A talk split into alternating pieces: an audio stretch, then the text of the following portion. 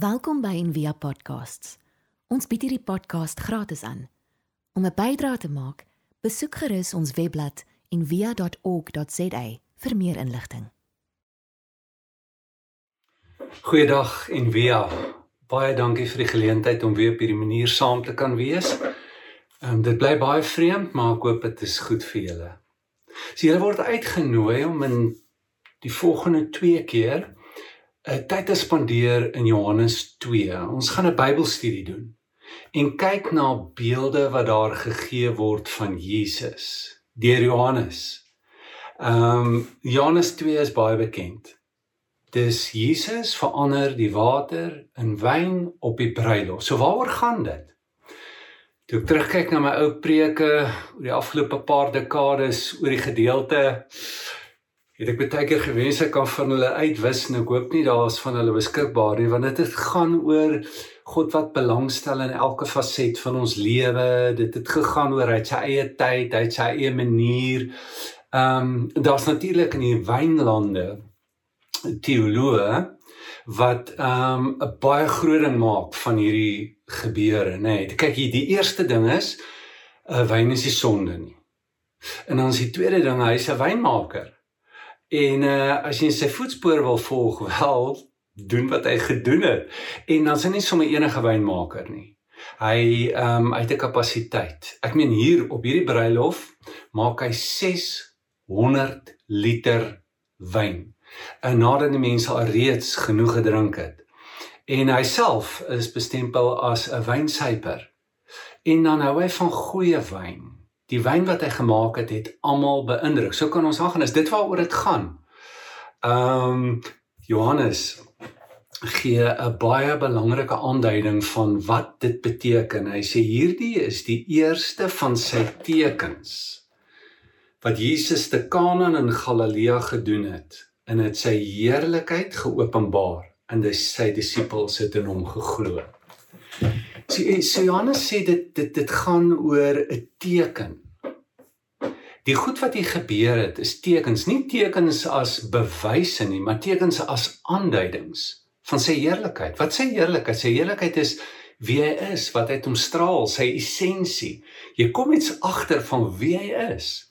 Waaroor sy lewe gaan en waarna toe jy uitgenooi word as jy verstaan wat hier gebeur het.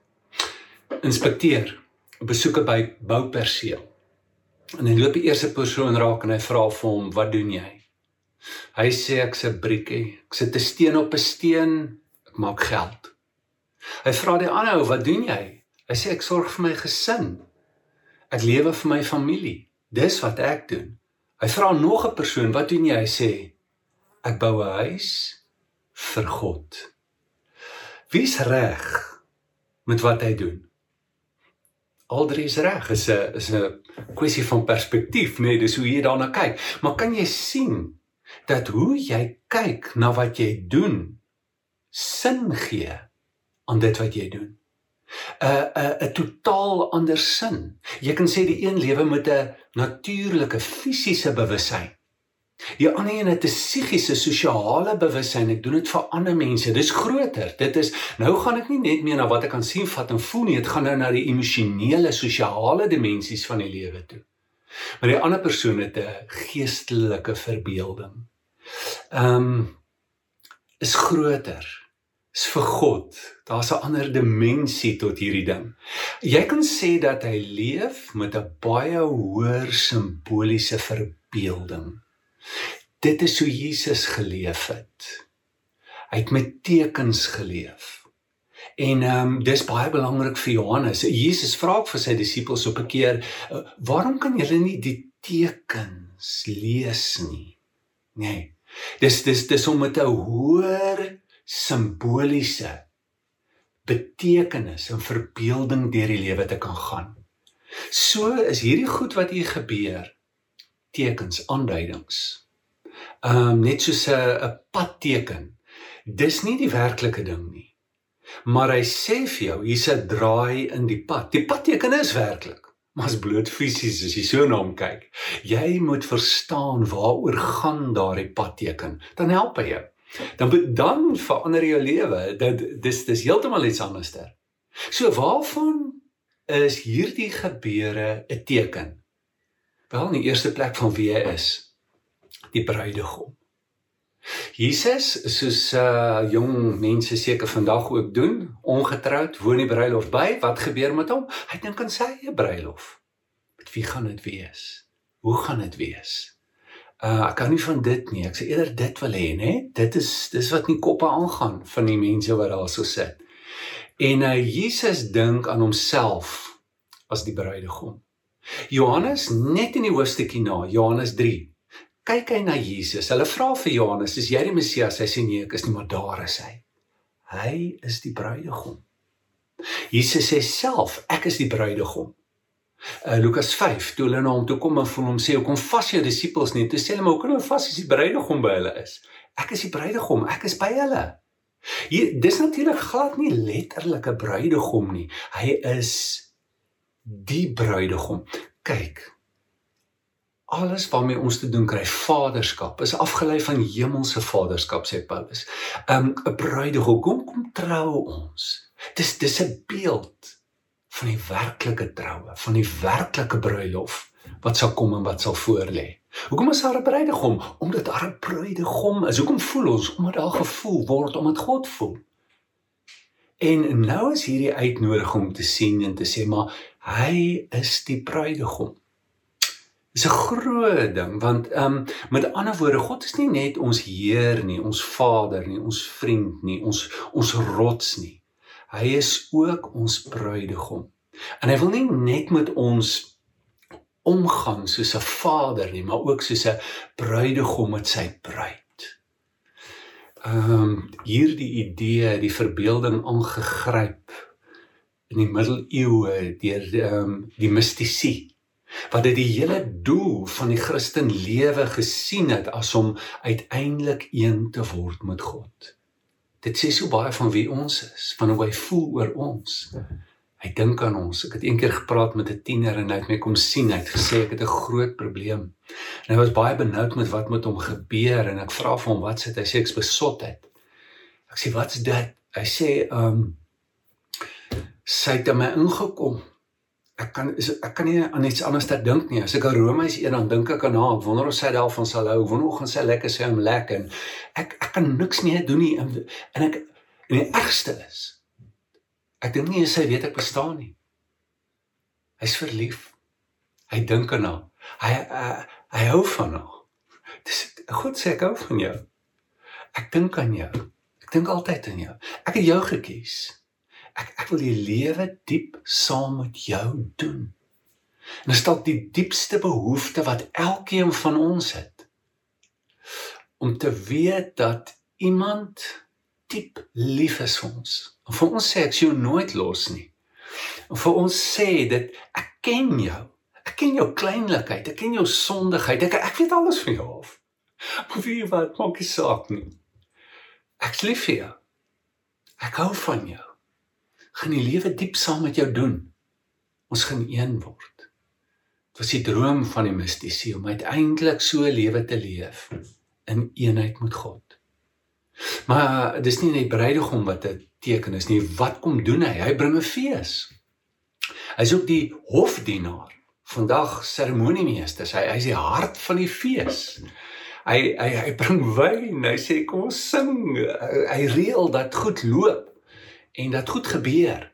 Dis hoe 'n lewe saam met hom is. Word geken deur 'n diep blydskap. Dit is interessant dat vandag, ek dink dit een van die grootste redes is hoekom mense dalk nie vandag saamkom om te aanbid of tyd saam met hom te spandeer of iets nie, want ek wil lewe. Ek ek ek wil lekker goed doen vandag. Is nie lekker om dit te doen nie.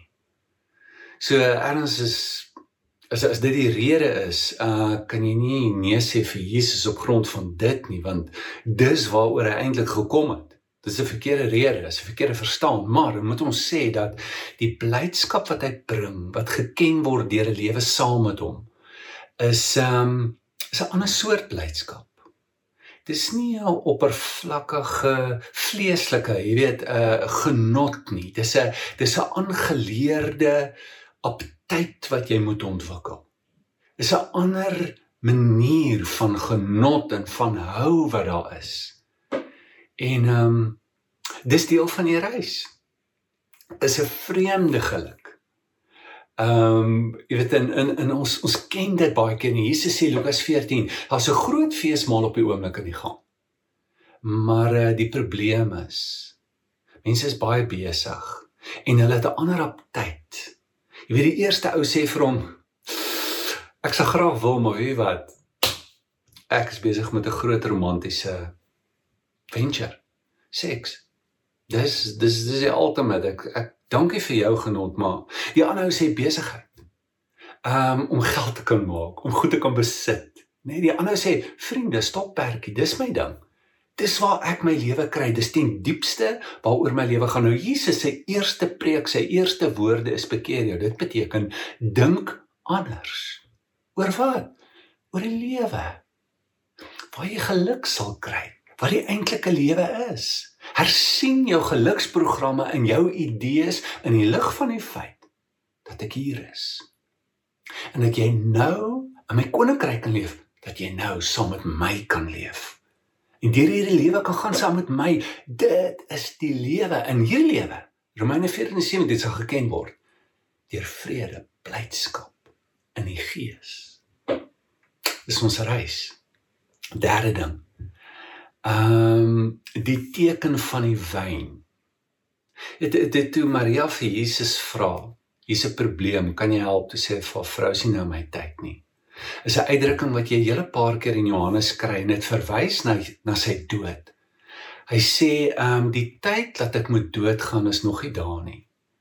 Hy, hy dink aan wat dit hom gaan kos om dit moontlik te maak, sy huwelik moontlik te maak, sy dood.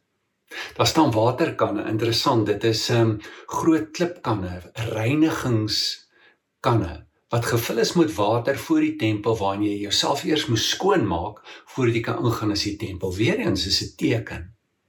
Is 'n is 'n ritueel, dis 'n uiterlike simbool van ek ek is nie skoon nie.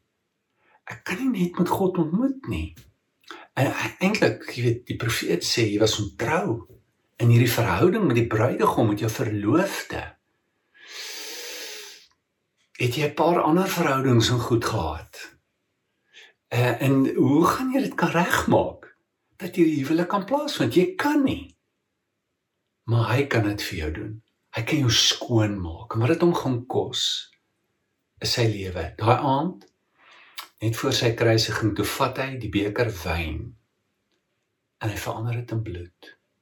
Hy sê dis my bloed wat vir julle gestort word doen dit tot my gedagtenis dink daaraan. En doen dit tot ek weer kom. Want daar kom 'n groot feesmaal die feesmaal van die lam lê voor. Nou ja jy proe jy smaak iets maar die groot kom. Die koninkryk sê uiteindelik alles oorneem en oorweldig en daar wees. Drink my bloed Waar is jy? Waar is jy? Is is word jy dalk uitgenooi na 'n uh, 'n baie meer simboliese lewe om te lewe met tekens. As jy materialis ken, net glo wat jy vat, sien, voel onder 'n mikroskoop kan sien. As jy daar baie logiese nugtere uh uh of kan jy iets voel, kan jy iets sien van wat dit beteken om 'n geestelike mens te word. En seker is in ons ons almal geestelik. Want ons is gees. Ons is nie geestelike mense nie. Ons lewe nie vanuit die gees nie. Ons het nie oë wat kan sien nie. Miskien is jou uitnodiging om te gaan na hom toe. Te kan glo, te kan vertrou. Hy hy kan my spaar van 'n sosiale verleentheid. Hy stel belang in my lewe. Hy kan vir my gee wat ek nou nodig het in my lewe ook. Ek kan die lewe diep saam met hom doen. Miskien jou soeke na geluk om te sê ja, die die geluk wat ek kry, laat my elke keer laer en leer voor die tyd as wat ek daai geluk geproe het. Ek soek na 'n ander soort geluk. Iets van die gees dieper. Dis jou uitnodiging. Kom ons doen 'n gebed saam. Vader, dankie vir u woord. Ons vra dat u ehm um, ons ore sal oopmaak om te kan hoor, ons oë te kom sien en ons in te vat in die lewe wat U vir ons het. Ons vra dit in Jesus se naam. Amen. Ons hoop van harte jy het hierdie podcast geniet of raadsaam gevind. Besoek gerus en via.ok.za vir meer inligting.